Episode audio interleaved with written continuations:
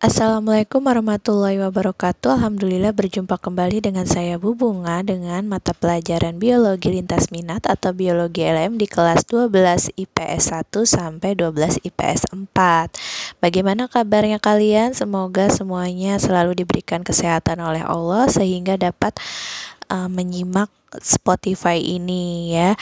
Oke, jangan lupa fokus untuk disimak baik-baik untuk mendapatkan nilai keaktifan. Uh, kalian bisa jawab kuisnya melalui personal chat via Telegram ya. Oke, kita uh, bahas materi yang belum Ibu sampaikan ya, yaitu mengenai spesiasi dan isolasi. Nah, ini materi ini ada di bab evolusi ya, cuman belum Ibu sempat bahas. Oke, spesiasi adalah pembentukan spesies baru dan berbeda dari spesies sebelumnya dalam kerangka evolusi. Spesiasi dapat berlangsung cepat, dapat pula berlangsung lama hingga puluhan, puluhan juta tahun. Setiap populasi terdiri atas kumpulan individu sejenis atau satu spesies dan menempati suatu lokasi yang sama. Karena suatu sebab, populasi dapat terpisah dan masing-masing mengembangkan adaptasinya sesuai dengan lingkungan baru. Dalam jangka waktu yang lama, populasi yang saling terpisah itu masing-masing berkembang menjadi spesies baru sehingga tidak dapat lagi mengadakan perkawinan yang menghasilkan keturunan yang fertil atau subur. Oke, bagaimana mekanisme spesiasi? Spesiasi merupakan tadi proses pembentukan spesies baru ya dan berbeda dari spesies sebelumnya melalui proses perkembangan secara alami atau natural dalam kerangka evolusi. Spesiasi sangat terkait dengan evolusi, keduanya merupakan proses perubahan yang berangsur-angsur sedikit demi sedikit secara gradual, perlahan tetapi pasti terjadi. Spesiasi lebih ditekankan pada perubahan yang terjadi pada populasi jenis tertentu. Kecepatan spesiasi maupun kepunahan sebagian tergantung tergantung pada ukuran kisaran geografis dari suatu daerah. Daerah yang luas cenderung meningkatkan kecepatan spesiasi dan menurunkan kecepatan kepunahan. Jenis yang terdapat di daerah yang luas akan mengalami spesiasi lebih cepat, sedangkan menurunnya luas area akan meningkatkan kepunahan suatu jenis, jadi menurunkan jumlah jenis yang akan mengalami spesiasi. Spesiasi atau terbentuknya spesies baru ini dapat diakibatkan oleh adanya isolasi geografis, isolasi reproduksi, dan perubahan genetika. Adapun proses spesiasi ini dapat berlangsung secara cepat atau lama hingga berjuta-juta tahun. Mekanisme isolasi merupakan proses pembentukan individu baru dengan batasan-batasan tertentu. Faktor-faktor yang menjadi pembatas adalah habitat yang berbeda, iklim yang berbeda, gunung yang tinggi, pematangan sel kelamin yang nggak sama atau yang tidak bersama ya. Mekanisme isolasi dibedakan atas tiga ya yaitu ada isolasi geografis, isolasi reproduksi dan perubahan genetika. Isolasi geografis ini sebagian besar para ahli biologi berpandangan bahwa faktor awal dalam proses spesiasi adalah pemisahan geografis karena selama populasi dari spesies yang sama masih dalam hubungan langsung maupun tidak langsung gain flow masih dapat terjadi meskipun berbagai populasi di dalam sistem dapat menyimpang di dalam beberapa sifat sehingga menyebabkan variasi intara spesies. Oke, kuis yang pertama pertanyaannya apa yang dimaksud dengan gain flow dan variasi intraspesies ya. Oke, ini uh, dalam buku Campbell dinyatakan bahwa proses-proses geograf geologis Proses-proses geologis dapat memisahkan suatu populasi menjadi dua atau lebih terisolasi.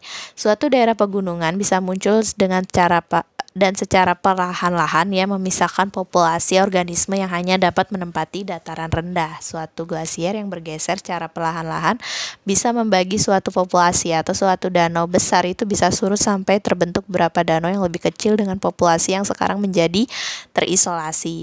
Jika populasi yang semula kontinu dipisahkan oleh geografis sehingga terbentuk hambatan bagi penyebaran spesies, maka populasi yang demikian tidak akan lagi bertukar susunan gennya dan evolusinya berlangsung secara sendiri-sendiri. Seiring dengan berjalannya waktu, kedua populasi tersebut akan makin berbeda sebab masing-masing itu menjalani evolusi dengan caranya masing-masing. Oke, untuk kuis yang kedua, tuliskan satu contoh isolasi geografis. Oke, sekarang yang isolasi reproduksi, ya pengaruh isolasi geografis dalam spesiasi dapat terjadi karena adanya pencegahan gen flow antara dua sistem populasi yang berkaitan akibat faktor ekstrinsik atau geografis. Setelah kedua populasi berbeda, terjadi pengumpulan perbedaan dalam rentang waktu yang cukup lama sehingga dapat menjadi mekanisme isolasi intrinsik. Isolasi intrinsik dapat mencegah bercampurnya dua populasi uh, atau mencegah interbreeding ya jika kedua populasi tersebut berkumpul kembali setelah batas pemisahan yang nggak ada. Oke, untuk kuis yang ketiga, pertanyaannya apakah yang dimaksud dengan interbreeding? Nah, mekanisme isolasi intrinsik yang mungkin dapat timbul yaitu isolasi sebelum perkawinan dan isolasi sesudah perkawinan. Ya, kalau isolasi sebelum perkawinan itu uh, menghalangi perkawinan antara spesies atau merintangi pembuahan telur jika anggota-anggota spesies yang berbeda berusaha untuk saling mengawini. Nah, isolasi sebelum kawin ini ada isolasi ekologi sama eko, isolasi tingkah laku. Nah, kalau isolasi ekologi itu dua sistem yang mula-mula dipisahkan oleh penghambat luar atau external barrier suatu ketika uh, ketika itu mempunyai karakteristik karakteristik yang khusus untuk uh, berbagai keadaan lingkungan meskipun penghambat luar tersebut dihilangkan keduanya tidak akan simpatrik. Nah, setiap populasi tidak mampu hidup pada tempat di mana populasi lain berada. Mereka dapat mengalami perubahan pada perbedaan-perbedaan genetik yang dapat tetap memisahkan mereka. Contohnya misalnya pada pohon jenis Platanus occidentalis yang terdapat di bagian timur Amerika Serikat dan Platanus orientalis yang terdapat di timur Laut Tengah. Ini kedua spesies ini bisa disilangkan dan menghasilkan hibrid yang kuat dan fertil. Kedua spesies ini walaupun terpisah tempatnya yang berbeda, tapi dia bisa uh, fertilisasinya alami. Uh, dia tidak bisa juga uh, fertilisasi secara alami. Oke, kemudian ada isolasi yang tingkah laku. Kalau tingkah laku itu berperan sangat penting dalam hal percumbuhan, perkawinan ya. Tingkah laku juga berperan pada perkawinan acak antar spesies yang berbeda sehingga perkawinan mendapat hambatan oleh terjadinya inkompatibilitas beberapa perilaku sebagai dasar e, bagi suksesnya perkawinan tersebut. Contohnya pada hewan jantan, spesies tertentu memiliki pola perilaku yang spesifik dalam menarik, mendekati dan mengawini pasangannya. Kegagalan perkawinan itu terjadi karena pasangan mereka asing dengan pola perilaku yang ditunjukkan oleh pasangannya sehingga terjadi penolakan selain sekuen perilaku yang spesifik seperti yang ditunjukkan oleh burung bower di mana hewan jantan harus mempersiapkan pelaminan yang penuh dengan aksesoris tertentu agar burung betina mau dikawini. Nah, yaitu contohnya ya, burung bower jantan membuat sarang untuk menarik betina. Oke, untuk kuis yang keempat, tuliskan contoh isolasi tingkah laku yang lain. Satu aja. Nah, kalau isolasi setelah perkawinan itu terjadi jika sel sperma dari satu spesies membuahi ovum dari spesies yang lain, maka penghambat postjigotnya akan me, uh, mencegah ya jigot hibrida itu untuk ber, berkembang menjadi organisme dewasa yang bertahan hidup dan fertil. Nah, mekanisme yang setelah kawin itu ada kematian zigot, perusakan hibrid, sama sterilitas hibrid. Ya, ada tiga. Nah, kalau yang kematian zigot itu sel telur yang telah dibuai oleh sperma spesies lain atau zigot hibrid sering kali tidak mengalami perkembangan reguler pada setiap stadiumnya, sehingga zigot tersebut mengalami abnormalitas dan tidak mencapai tahapan maturitas yang baik atau mengalami kematian pada stadium awal perkembangannya. Di antara banyak spesies katak yang termasuk dalam genus Rana, beberapa di antaranya hidup pada daerah dan habitat yang sama dan kadang-kadang mereka bisa berhibridisasi akan tetapi keturunan yang dihasilkan umumnya tidak tidak menyelesaikan uh, perkembangannya dan akan mengalami kematian ya. Kalau perusakan hibrid itu ada beberapa kasus ketika spesies berbeda melakukan kawin silang. Nah, keturunan hibrid generasi pertama dapat bertahan hidup dan fertil, tetapi ketika hibrid tersebut kawin satu sama lain atau dengan spesies induknya, keturunan generasi berikutnya akan menjadi lemah dan mandul. Sebagai contoh ya, spesies kapas yang berbeda dapat menghasilkan keturunan hibrid yang fertil, tetapi kerusakan terjadi pada generasi berikutnya ketika keturunan hibrid itu mati pada saat berbentuk biji atau tumbuh menjadi tumbuhan yang cacat dan lemah. Nah, terus kalau sterilitas hibrid itu hibridasi hibridisasi pada beberapa spesies dapat menghasilkan keturunan yang sehat dan hidup normal akan tetapi hibrid uh, tersebut mengalami sterilitas. Terjadinya sterilitas ini disebabkan oleh inkompatibilitas genetik yang nyata sehingga tidak dapat menurunkan keturunannya.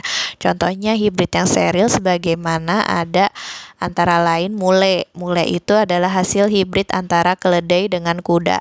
Terus ada cama, kama ya. Itu hasil hibrid antara onta dengan ilama. Terus ada tiglon. Tiglon itu hasil hibrid antara macan dan singa. Ada zebroid. Zebroid itu hasil hibrid antara zebra dengan kuda. Oke, sekarang kita ke model-model spesiasi. Itu ada spesiasi alopatrik, spesiasi parapatrik, sama spesiasi uh, peri peri ya peripatrik dan uh, spesiasi simpatrik. Peri, para, simpatrik sama alopatrik. Ya, kalau alopatrik itu terjadinya Spesiasi alopatrik banyak dibutik, dibuktikan melalui studi, studi variasi geografi spesies yang beraneka ragam secara geografis dari seluruh karakter dapat menghalangi pertukaran gen antara spesies simpatrik. Populasi yang terpisah secara geografis dapat terisolasi oleh kemandulan atau perbedaan perilaku dibandingkan dengan populasi yang berdek, berdekatan ya. Populasi yang terisolasi mungkin tidak dapat melakukan interbreeding jika mereka bertemu karena bentuknya sangat menyimpang atau divergent dan kemudian masuk ke dalam dalam simpatrik tetapi tidak terjadi interbreeding. Contoh, spesies alopatrik lainnya adalah pembentukan spesies burung finch di Kepulauan Galapagos yang dikemukakan oleh Darwin. Menurut Darwin bahwa burung finch berasal dari satu nenek moyang burung yang sama. Nah, kalau spesiasi parapatrik ini uh, merupakan proses spesiasi yang terjadi di daerah yang bersebelahan dengan daerah dengan daerah populasi moyangnya. Jadi suatu spesies sering mempunyai daerah penyebaran yang sangat luas sehingga penyebarannya meliputi lebih dari satu macam habitat dengan kondisi lingkungan yang berbeda. Karena ada perbedaan habitat, maka setiap populasi mengalami seleksi alam yang berbeda. Dengan berjalannya waktu terbentuklah suatu populasi yang berbeda dan tidak mampu berinteraksi secara kawin sehingga dianggap berbeda spesies pada daerah yang tetap bersebelahan. Nah, spesies ini juga terjadi karena adanya variasi frekuensi kawin dalam suatu populasi yang menempati wilayah yang sama. Pada model ini, spesies induk tinggal di habitat yang kontinu tanpa ada isolasi geografi. Spesies baru terbentuk dari populasi yang berdekatan. Suatu populasi yang berada di dalam wilayah tertentu harus berusaha untuk beradaptasi dengan baik untuk menjamin kelangsungan hidupnya dan usaha itu dimulai dengan memperluas daerah ke daerah lain yang masih berdekatan dengan daerah asalnya. Apabila di, di area yang baru ini terjadi seleksi, maka perubahan gen akan terakumulasi dengan dan dua populasi ini akan berubah menjadi teradaptasikan dengan lingkungan barunya. Jika kemudian mereka berubah menjadi spesies lain atau spesies yang berbeda, maka perbatasan ini akan diakui sebagai zona hibrid. Dengan demikian dua, dua populasi tersebut akan terpisah namun secara geografis letaknya berdekatan sepanjang gradien lingkungan. Contohnya misalnya ada Anthosanthus odoratum ya yang dapat mengalami spesiasi parapatrik sebagai respon terhadap polusi logam terlokalisasi yang berasal dari pertambangan. Pada kasus ini tanaman berevolusi menjadi resisten terhadap kadar logam yang tinggi dalam tanah. Nah, seleksi keluar terhadap kawin campur dengan populasi tetua menghasilkan perubahan pada waktu pembungaan, menyebabkan isolasi reproduksi. Seleksi keluar terhadap hibrid antar dua populasi dapat menyebabkan uh, petik ya penguatan yang merupakan evolusi sifat ya, yang mempromosikan perkawinan dalam spesies serta peralihan karakter yang terjadi ketika dua spesies menjadi lebih berbeda pada penampilannya. Ya, itulah contoh dari uh, spesiasi parapatrik tumbuhan Anthosanthus odoratum yang toleran terhadap logam berat ya. Kemudian spesiasi peripatrik ya. Ini merupakan proses spesiasi yang terjadi di daerah pinggir penyebaran spesies moyangnya.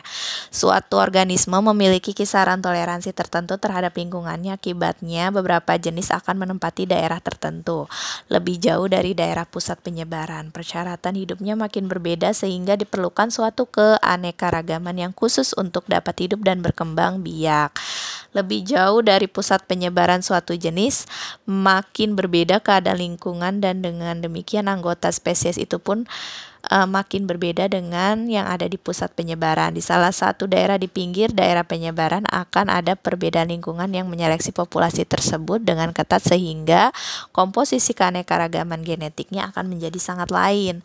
Nah, dengan demikian interaksi antar populasi tersebut sangat terbatas dengan adanya isolasi gradual, maka selang waktu yang lama uh, populasi di, daerah pinggir akan menjadi uh, spesies tersendiri. Ya. Oke, untuk kuis yang kelima, apakah eh iya benar. Apa penyebab populasi kecil lebih cepat mengalami spesiasi alopatrik dibandingkan dengan populasi besar? Ya, kuis kelima, apa penyebab populasi kecil lebih cepat mengalami spesiasi alopatrik dibandingkan dengan populasi besar? Ya, karena apa? Oke, yang terakhir ada spesiasi simpatrik ya. Spesies baru muncul di dalam lingkungan hidup populasi tetua. Isolasi genetik berkembang dengan berbagai cara tanpa adanya isolasi geografis. Nah, model spesiasi simpatrik meliputi spesiasi, spesiasi gradual dan spontan.